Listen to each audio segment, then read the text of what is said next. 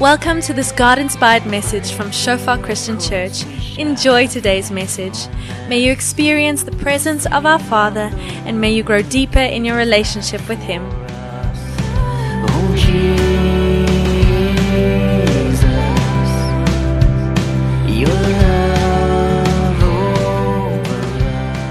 Welkom aan elkeen van julle as julle nuut is by Shofar Sekunda. Welkom. Ons hoop julle geniet die oggenddiens saam met ons. Um, vir die van julle wat uh miskien nie van ons weet nie, die ek dink die die CV as mense dit so wil noem agter my en Estel se naam is presies so kort soos wat Brown dit gehou het. Jy weet, um, so ek's baie dankbaar daarvoor. Ek dink baie keer as iemand 'n ander spreker of 'n prediker kom uh voorstel en hulle sê jy weet, dit is nou so en so en hy kom van daar af en hy's al soveel jaar in die bediening en uh, hy's 'n vriend van die gemeente en en en ek weet nie, ek voel nogal druk, jy weet. So vanoggend is dit net Hanno en Estel. Is is ons is net mense soos julle en dit is lekker vir ons om met julle te kan wees vanoggend. Ehm um, vir die mense wat my ken ehm um, en wat miskien wonder of hierdie nie regtig 'n live uitsending is nie want ek is gewoonlik die tyd van die oggend wakker nie. Ehm um, ek beloof julle ek's ek's regtig hier en ek het al 7 uur opgestaan ehm um, sodat ek teen die tyd wakker is. Ehm um, So ja, ek wil net ek wil net sê dat ehm um, ja, ons leef nog in 'n tyd van wonderwerke. Ehm um, ek en Estel gaan albei vanoggend preek. Ehm um, ons doel is om waarhede te te deel uit die skrif uit. Ehm um, so ons gaan 'n paar verse saam lees ook hier en daar en ook 'n paar persoonlike getuienisse deel.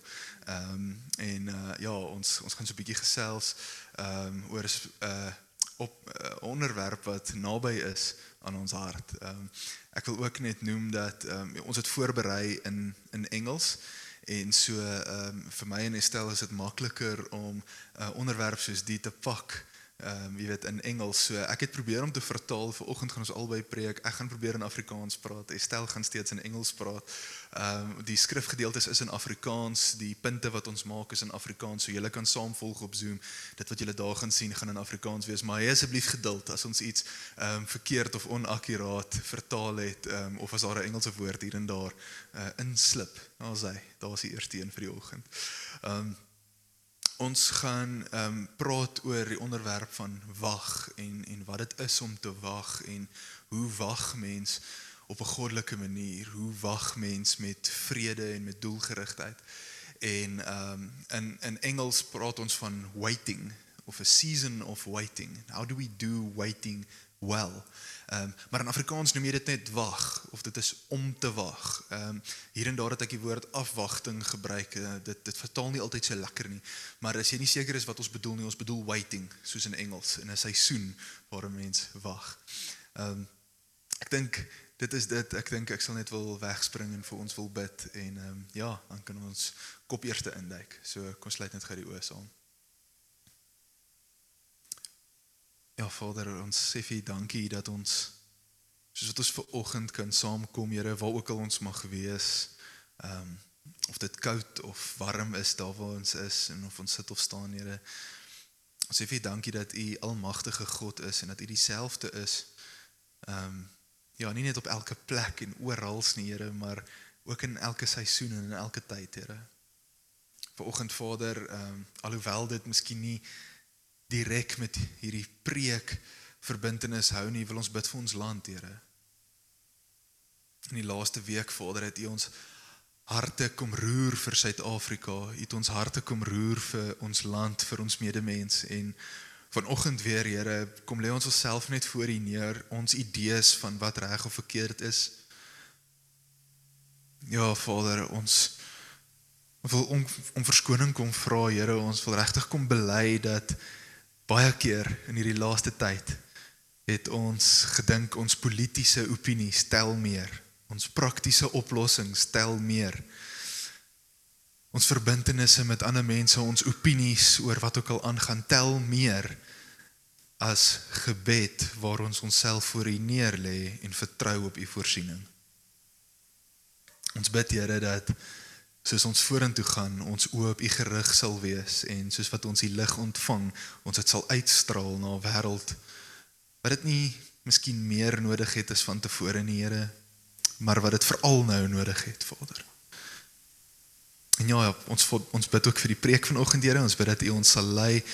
Ons bid dat U vir elkeen van ons, elke persoon wat luister of dit live of ehm um, op die opnames is, Here, dat dit dat daar iets sal wees, ten minste een saadjie, Here, wat ons kan vat. Iets wat ehm um, grond sal vind, vrugbare grond in ons harte, Here. En dat dit iets in die manier hoe ons U dien en die manier hoe ons U najag, Here, sal verander. En dat dit ons lewens sal verander. Dat dit hierdie gemeente sal verander en dat dit Sekunda sal verander, Vader. In Jesus naam. Amen. Dan sê so soos julle nou weet, ehm um, ons onderwerp vanoggend gaan oor hierdie topik van wag. Ehm um, ek moet miskien net sê my skat, die mense het nog nie jou stem gehoor nie. As jy nie omgee om dalk net daar hallo te sê. Hallo. Wat sê? Soos julle kan hoor is hy Engels. Wat sê? En Ek bes probeer oor Afrikaanse hallo. ja, ja, dit was goed. Dit was goed. oké. Ehm ja, ek ek ek dink ehm vir julle by die huis, jy het miskien in die laaste jaar as ons so praat oor die idee van wag, het jy miskien jouself in 'n seisoen gevind waar jy wag. Ehm miskien het jy gewag vir lockdown om klaar te maak. Ehm miskien as jy 'n ouer was met 'n paar woelwaters by die huis, het jy gewag vir skool om te begin. Ehm um, miskien was dit 'n lekker seisoen van wag. Miskien het jy gewag om 'n nuwe lid van die familie te verwelkom ehm um, in die vorm van 'n babietjie, 'n kind ehm um, in julle gesin of iemand wat jy ken of voor lief is. En miskien was dit 'n slegte seisoen van wag. Miskien het jy gewag vir pyn of vir seer, vir hartseer miskien. Ehm um, miskien het jy gewag vir ongerief of onsekerheid om weg te gaan, om weg te beweeg, om op te hou. Ehm um, wag is vir ons almal iets wat ons ken en dit voel vir ons asof ons altyd vir iets wag. En ons gaan dit so 'n bietjie uitpak vanoggend. Ons idee vandag is om net vinnig te bespreek wat is dit om te wag, te kyk na 'n paar leuns wat die vyand ons voer terwyl ons wag en om dan skriftelike waarhede te bring en te sê hoe moet ons dit eerder aanpak? Hoe kan ons ons perspektief verander rondom wag? So kom ons begin dalk by die begin. Wanneer bevind ons onsself tipies in 'n wagseisoen? Ehm um, waarvoor wag ons? Wel, baie keer wag ons vir 'n spesifieke belofte van God. God het miskien vir ons woord gebring en vir ons gesê ehm um, dat jy gaan eendag trou. So moenie bekommer wees nie, hy of sy is daar buitekant en julle paai gaan kruis en ons wag daarvoor en ons is opgewonde om te wag vir daai belofte en dis miskien soos koning Dawid wat op 'n jong ouderdom al gesalf is as koning maar eers heelwat later jare later intendeel um, op die troon gaan sit het. Uh, miskien wag jy vir iets wat sleg of ongerieflik of seer is om op te hou of weg te gaan. Miskien wag jy vir genesing. Miskien wag jy vir hartseer om weg te gaan. Um, Miskien het jy jou werk verloor in hierdie tyd en jy wag vir daai seisoen om op te hou en om verby te wees. En ons sien stories daarvan in die Bybel ook. Um, ek dink iets wat ons meeste van ons ken is Paulus wat wag en vra vir God om daai doring in die vlees weg te vat en en ons het nie sekerheid uit die skrif dat dit ooit gebeur het nie. Ehm um, en miskien wag ons net met die hoop op iets lekker om te gebeur. Miskien is dit nie spesifieke belofte van God nie, miskien is dit nie spesifieke genesing of seer nie, maar miskien hoop ek om 'n verhoging by die werk te kry. Miskien wag ek vir die dag wat ek 'n ander huis kan koop of kan aanbeweeg na 'n nuwe gedeelte van my maatskappy. Ehm um, en dis miskien nie 'n spesifieke belofte waar ek woord ontvang het nie, maar ek het 'n hoop daarvoor, 'n lewende hoop. En ek dink ehm um, ons almal kan assosieer met een of meer van daai seisoene van wag. Dis belangrik vir ons om te verstaan die leuns wat die vyand vir ons voer wanneer ons wag. En ek dink daar's 'n paar van hierdie leuns wat ek graag sou wil uitwys. En die rede hoekom dit belangrik is is nie om vir hom eer te gee nie, maar om te sien hoe ons perspektief breek wanneer ons 'n leuen glo in 'n wagseisoen. So wat is van hierdie leuns? Ehm um, dis nie iets spesifiek op die slides of so nie, ons bespreek dit sommer net voor ons induik. Ek dink een leuen wat ons neig om te glo en baie keer glo ons sommer 'n klomp van hulle gelyktydig, maar een van hulle is dat om te wag is sleg. En eers wanneer die wag verby is, gaan die goeie dinge gebeur. En so ons sit in daai seisoen van wag en ons haat dit elke oomblik. Partykeer glo ons miskien dat dit nie sleg is nie, maar dat die lewe stil staan terwyl ek wag. Ek dink ons het soveel daarvan gesien in lockdown. Ehm um, wanneer die president kondig aan dat daar weer lockdown is en in ons gemoedere sit ons amper terug in ons gees en ons sê o, okay, ek moet nou weer wag. Ek gaan vir die volgende 4 weke wag. Alles moet stil staan. Partykeer glo ons dat terwyl ons wag is daar net nie 'n doel nie. Daar's nie 'n doel in die lewe nie. Niks wat ek doen in hierdie seisoen maak saak nie of dit goed is en of dit sleg is. Dit beteken nie regtig iets nie want dit bring my nie nader aan die einddoel nie en alles wat hier gebeur is so half nutteloos en doelloos. En eers wanneer die einddoel kom, dan begin dinge weer saak maak. Dan bou ek weer en dan loop ek weer in my roeping. Partykeer glo ons om te wag is erg. Dit die, die, Afrikaanse woord klink vir my so lekker. Erg. Jy weet en en ek weet nie of dit net ons is nie, maar ek in die stel sê dit baie keer as ons oor iets voel, sê ons jy's dis erg. Jy weet, uh, die Engelse mense sê dis hektiek. Jy weet, en dinge is hektiek. So hoe vinniger verby is hoe beter. Uh, dit, dit is dit is om te vermy, om te wag is sleg, dis erg en hoe vinniger jy dit kan verbykry hoe beter. En dan natuurlik is daar uh, nog 'n vorm van hierdie leuns wat sê dat ek gaan eers vervulling beleef wanneer die wag verby is. En so miskien as ek dink ek is in op een of ander manier dieselfde as koning Dawid, dan voel ek dat ek weet ek is gesalf, ek is geroep.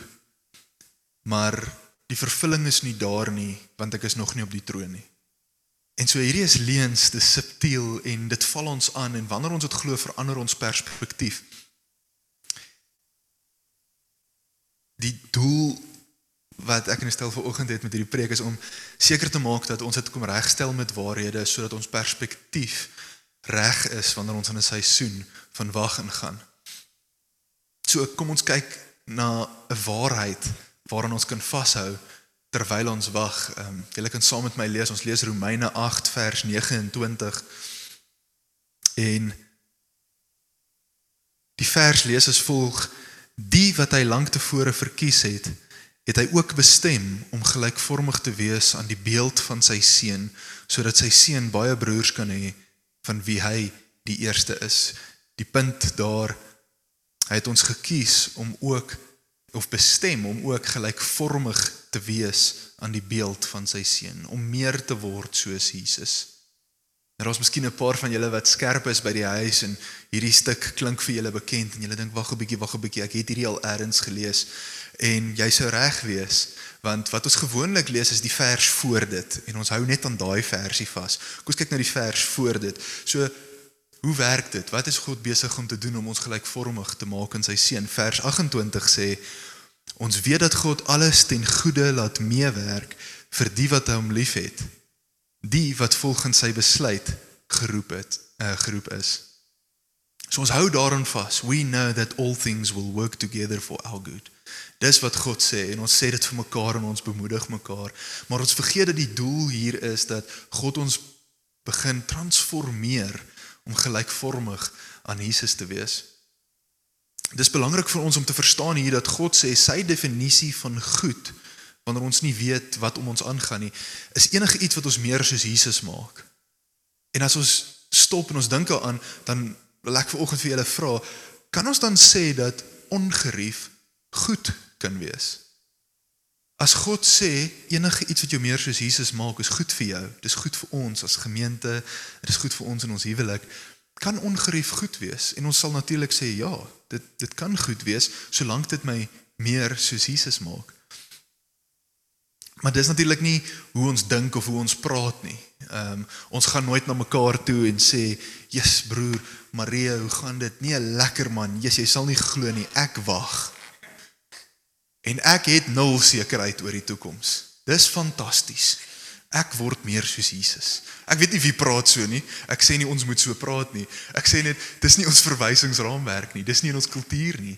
Ehm um, dis veral nie in ons westerse kultuur nie. Ons assosieer woorde soos wag, woorde soos onsekerheid, woorde soos ongerief, ongeluk, onduidelikheid. Ons assosieer dit met iets sleg, nie met iets goed nie.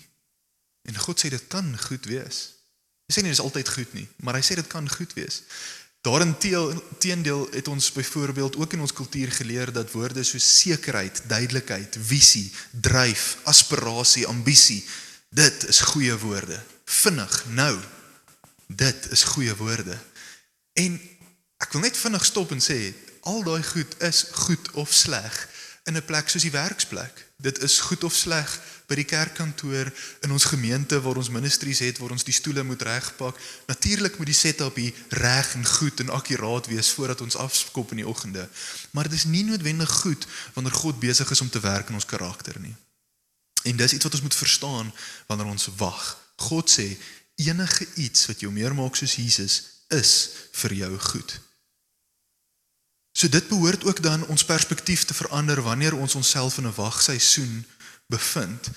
Ons moet dan kan besef dat dis nie net die éventuele uitkomste wat vir ons goed is nie. Dit kan ook die proses wees wat vir ons goed is. En daarmee wil ek miskien waarheid nommer 1 kom land en sê dat die waarheid is wanneer ons wag, ons is kinders van God dat ons wag met die kennis dat die hede goed is. Nie net die toekoms nie, al is dit moeilik. Jy sal dit sien op die skerm daar. Ek wag met die kennis dat die hede goed is, al is dit moeilik. En daai is die eerste waarheid wat ek wil land. Um, ek net 'n vinnige getuienis daaroor deel. Ruk terug het ek en Estel um, deur 'n herstruktureringsproses gegaan by Sasol. Dit was nie die mees onlangse een nie, was die een voor hom, dien julle wonder. Ehm um, so einde 2018, 2019 en ek het hierdie leen geglo. Ehm um, ek het geglo dat daar is iets goeds wat kom want God sê dan so in Romeine 8 vers 28, jy weet alles gaan ten goeie meewerk.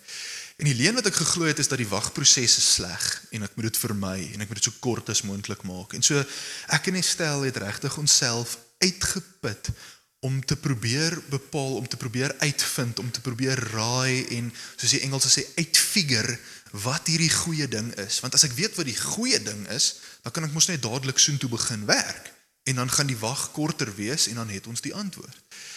En ek wil vir julle sê dat dit was 'n voorbeeld waar ek en Estel dit regtig sleg gedoen het. Uh, dit was nie op 'n goddelike manier wat ons gewag het nie, want ons het onsself so uitgeput en ek dink iets wat daai seisoen gekarakteriseer het was dat ons het gesit en ons het gedink en ons het navorsing gedoen. Wil God ons Amerika toe vat? Wil hy ons Johannesburg toe vat? Wil hy miskien hê ons moet nêrens heen trek nie? Miskien moet ons net van Sasol afskuif na maatskappy toe in Sekunda. Miskien moet ons entrepreneurs word. Miskien is dit die tyd wanneer die stel gaan swanger raak en sy gaan by die huis wees en ek gaan werk.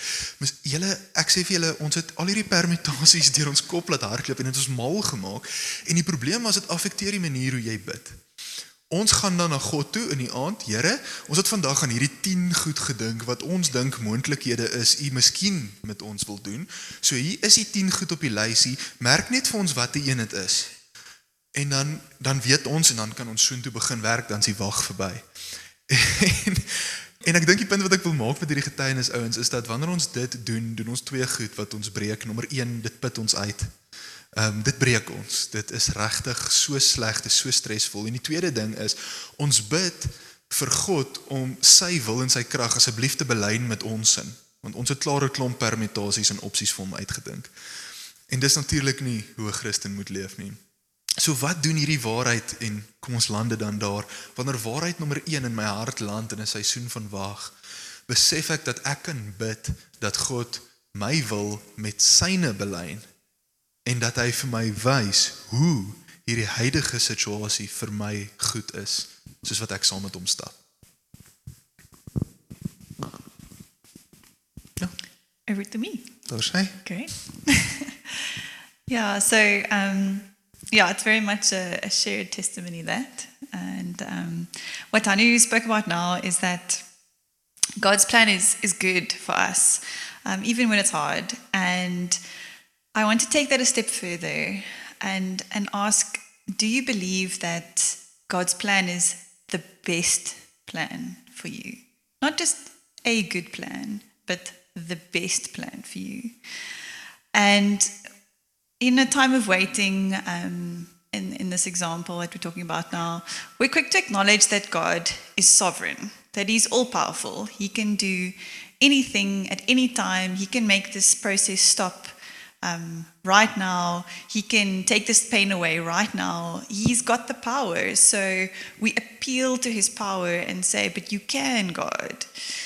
And um, the other thing that we have to remember about God's character is that He is all loving and He is sovereign. and He's perfectly loving. So it's not just that sometimes He chooses to love or not, it's that He is the embodiment of love. He is love. So He will always use His all powerful, um, yeah, who He is, being all powerful. He will always use that in the most perfectly loving way. And He loves each of us with that perfect love. And that means it's those specifically those two characters, um, characteristics together that means we can really trust God um, in a time of waiting. That we can really trust. Think that His timing is not just good, but it's perfect. That it's the best for us, and we can, in a time of waiting, have hope that that we trust not in that answer. We trust not in when this will end or when we get the thing or or how we will feel, but we trust in who God is and we trust that the plan he has for us is the best plan. And uh, really taking time to, to let this sink into your heart and to pray through it is something that gives you massive peace and therefore patience. Um, it, it really helps to, to quell those times of impatience and frustration and why not yet and why not now? And you can but why don't you? And it really just allows you to say i maybe don't understand. My plan that i would choose would be different but god your plan is best and uh, to share a, a, testimony on that um, so so after this restructure that we went through 2018 2019 um, and we thought, okay, now we have jobs, so cool, secure. never, never mind, a few months later, the next restructure started. But anyway, um, so after this time, we thought, um, yeah, now we really feel it on our heart to start a family. And um, I, when I was still single, before I met Anu, I had a prophetic vision from God that I would be pregnant one day. And um, I wondered how this miracle was going to happen because there was no one around who was interested. Um, and Anu also had a had a vision when when um, he was still single that he would have kids one day. So so we we knew that it isn't God's plan for us, and um, yeah, we felt we felt that then was the right time. And after a few months, uh, I realized okay, I'm not pregnant yet. And uh, one day I was driving home from someone else's baby shower. And I just remember just being in the car and I just started crying because there was this desire that I had. And I knew God wanted it for me. And I just realized I'm going to have to wait. I'm, I'm going to have to wait again. This is going to be another season of waiting. And I remember thinking, like, you know, but I don't want another waiting season. Like, I've just been waiting for two years for a job. Before that, we were waiting for a whole bunch of things. We're still waiting for a whole bunch of other things. Must I really wait for this as well? Can't I just get this one now? And um, and in that moment, I realized that I'm going to have to choose how I wait. And and I really didn't want to to wait the way that we did um, with the with the restructure and. Um, this truth is, is something that I, that I held on to, that we both held on to um, in the time of waiting. That, yes, it's something we desire. Yes, it's something we believe God, God has in store for us. And we are going to be patient and we are going to trust that His timing is perfect. Doesn't matter if the world says, yeah, but you know, your biological clock is ticking, so actually the best time is earlier. It, it God knows that. He knows that. He made you. So, um, so really, you can trust that he, he knows all the verse factors. And um, during this time, I, I really felt that it was a truth that I could use also to just ward off the attacks of the enemy, that I'm somehow, as a, as a whole person, wrong or broken or not useful until I'm pregnant. Um, that my life has no meaning until I'm pregnant. And um, was really a truth that I could use to, to defend against, against those attacks. And I haven't uh, got time for all the details. There's a, there's a lot more I could, I could share on it, and I'm very willing to chat with anyone who, who would like to know more. Um, we, we went to doctors, we got second opinions. I spoke to other friends who'd been through something similar. So, so there's, there, there is a lot that we also did from our side, um, including prayer. But we could go about it without pressure or anxiety um, or feeling like we have to sort of make something happen. Um, we, we could really trust God's guidance through the whole process on, on what we should do when. And um, it really also was, um, yeah, just a, a, a time of peace that we could just rely on God to guide us with, with what we should do next. And it was a, it was a two year wait. And um, I can talk about it in the past because I'm 20 weeks pregnant now. And, and looking back, I can really testify of God's faithfulness. Um, it was by no means a season without meaning or purpose. And it was a time when I could have peace and patience and, and really trust in Him, and a time where I grew closer to God um, and just had a greater revelation of who He is. Um, and it's something that I, I really pray that we can all experience and continue in um, and be intentional about. Um, so um, I know that especially falling pregnant for women, um, for it really lands differently with everyone, and it's very hard for some people to wait. So I'm, I'm not saying that it's not hard. I'm not saying that there aren't tough times. I'm not saying that there won't be tears where you really have to bend your will to God's timing. But I'm saying there's a loving God who, who offers you peace um, through it all.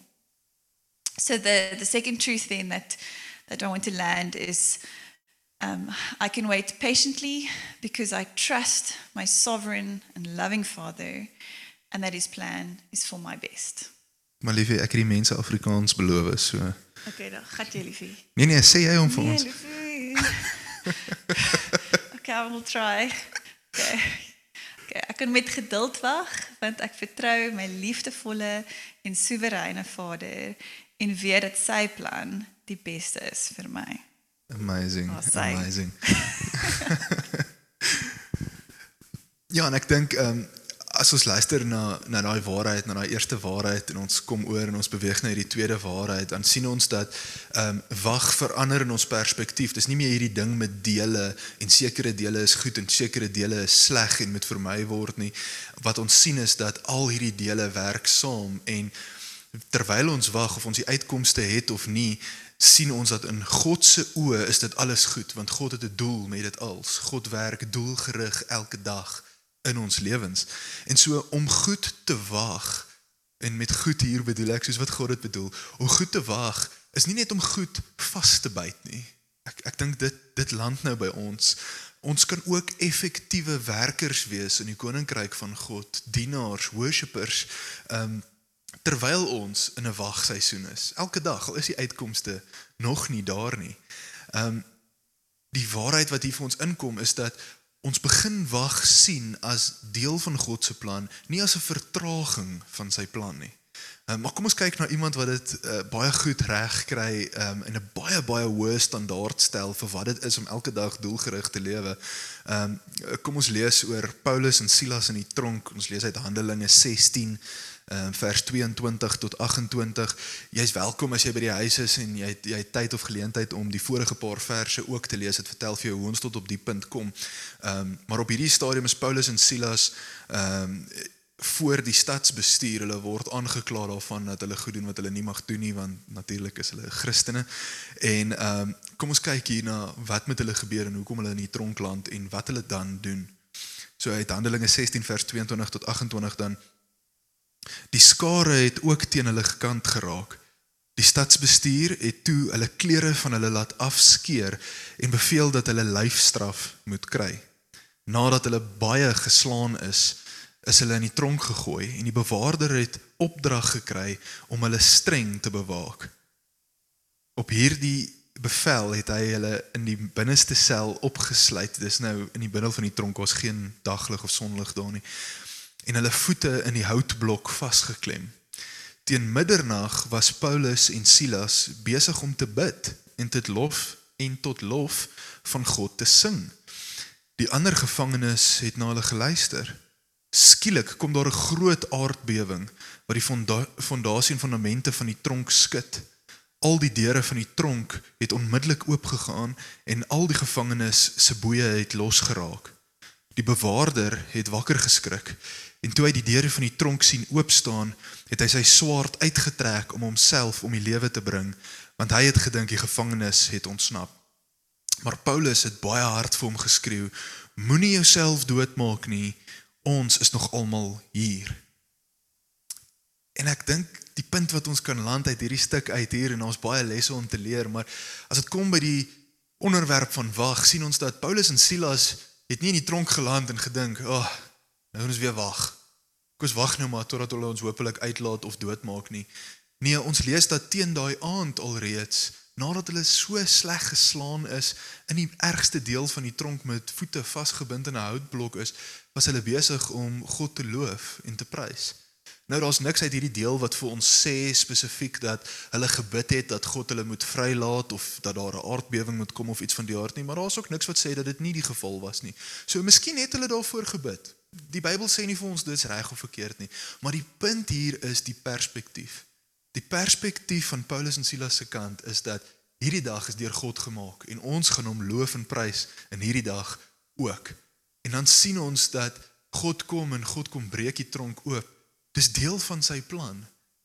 Nie net dit nie, ons sien ook dat Paulus en Silas se perspektief reg is want die oomblik wanneer die tronk oopgaan, die oomblik wanneer die boeye afval, sê hulle nie dankie Here, yes, uitkomste.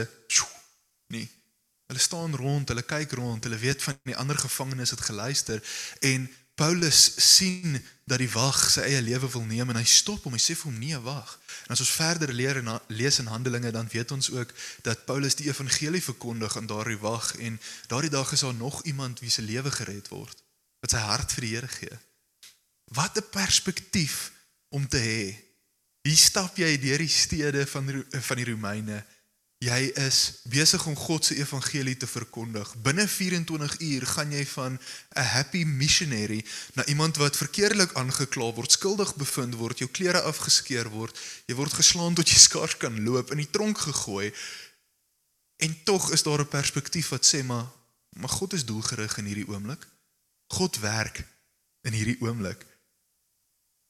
Wat beteken dit vir ons? Ek meen, kom ons kom ons maak dit prakties. Hier's die hier's die vraag weer en dit gaan weer oor hoe ons bid in ons gebede. Bid ons wanneer ons wag vir God om vir ons genade te gee sodat ons net deur hierdie dag kan druk. Ek wil net vasbyt, Here. Here, help my laat ek net vasbyt. Of bid ons met 'n verwagting dat God doelgerig oor hierdie dag dink, dat hy 'n plan gehad het toe hy hierdie dag vir ons gegee het en dat daar vir ons iets is waarby ons kan inskakel in hierdie dag. Nou, ek wil net weer eens duidelik maak hier en sê wat ek sê en wat ek nie sê nie. Ek sê nie dis nie moeilik nie en dit was definitief vir ons moeilik en ek vertrou dat dit vir elkeen van julle daar buite moeilik is wanneer julle wag. So ek sê nie ons mag nie bid vir die tronkdeure om oop te gaan nie. Dis nie wat ek sê nie. Maar die verwagting en die perspektief is anders. Dis nie erg in ons siel en in ons verhouding met die Here totdat die deurbraak kom nie. Dis moeilik in ons omstandighede en dit vat aan ons vlees en dit vat aan ons emosies. Maar ons gebede is Vader, wys vir my u wil en belyn my wil met u wil. So daar's 'n derde waarheid dan wat ons hier kan land. En die derde waarheid dan is dat vir die Christen is elke dag 'n geleentheid om God beter te ken en sy koninkryk te bou. Of ek wag en of ek nie wag nie, of ek in 'n seisoen van bietjie vasbyt en deurdruk is en of ek in 'n seisoen van feesviering is. Elke dag is 'n geleentheid om God beter te leer ken en sy koninkryk te bou. Um, so I'm going to close off for us with, with a, um, a, final truth. And I think you, you know, just knowing the truths about waiting, um, it, it doesn't mean that, that you can avoid it. it's very much part of part of life. And in this life, there will always be something to wait for. It's an illusion that we're never waiting. It's an illusion that will will be happy and have sustained happiness when that thing comes or goes. And there's actually something in that um, that God wants us to notice, and that actually points points to Him um, ultimately. And we can find it in um, in Scripture as well. Hanu's gonna Hanu's gonna read for us. Go for it, Liefie. Kom ons lees dan saam in Afrikaans. Ehm um, daar van 2 Petrus 3 vers 13 tot 15. Maar ons leef in die verwagting van 'n nuwe hemel en 'n nuwe aarde wat God beloof het en waar die wil van God sal heers. Daarom geliefdes, terwyl julle hierdie dinge verwag of dan nou daarop wag, moet julle julle daaroor daarvoor beywer om vlekkeloos en onberispelik voor God en in vrede met hom te lewe. Ons daai woord vrede ook dan weer. En beskou die geduld wat ons Here met ons het as 'n geleentheid om gered te word.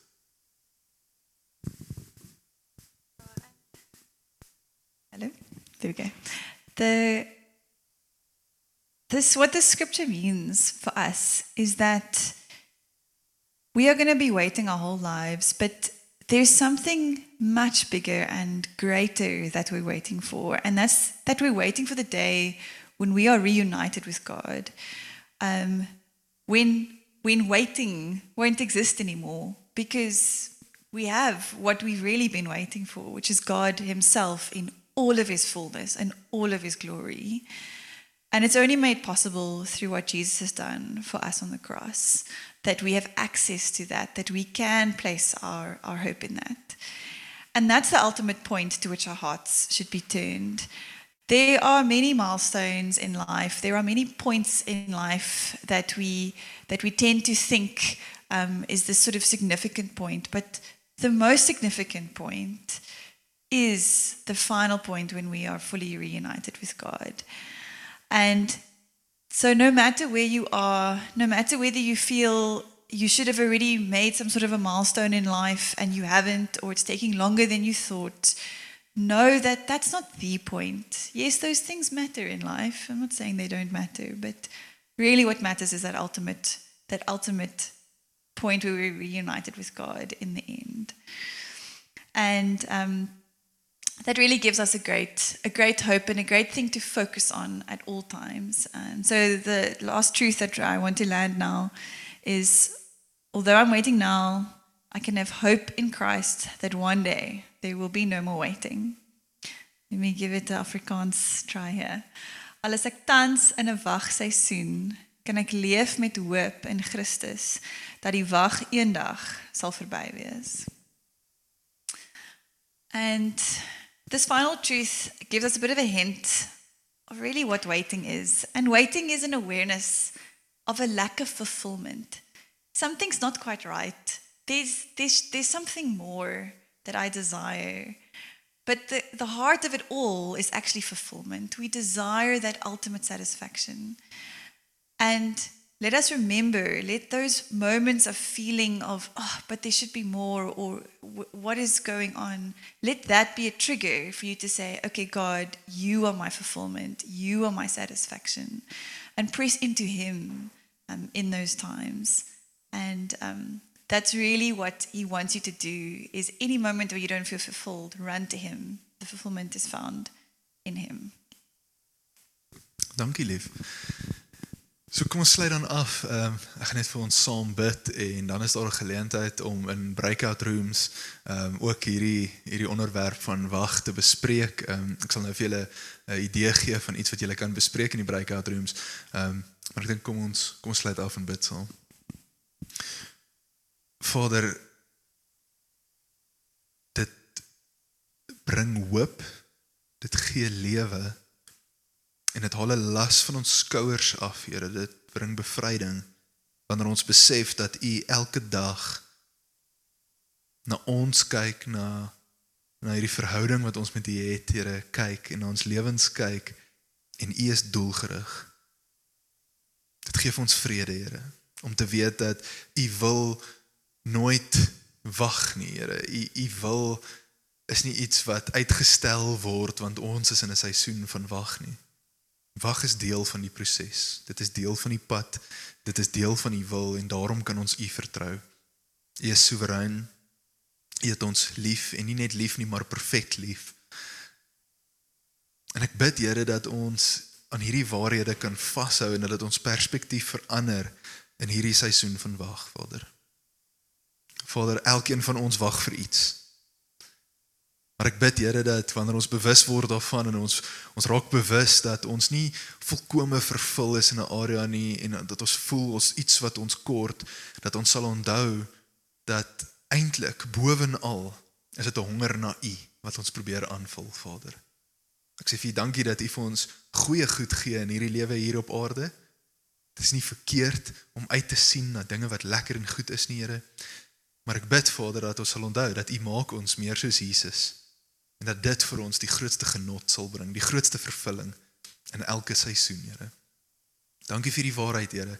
Ek bid vir elke persoon wat veral op hierdie stadium wag vir iets moeilik of seer om verby te gaan, Here. Ek bid Here dat U in hierdie dag en nou in hierdie oomblik met hulle sal werk.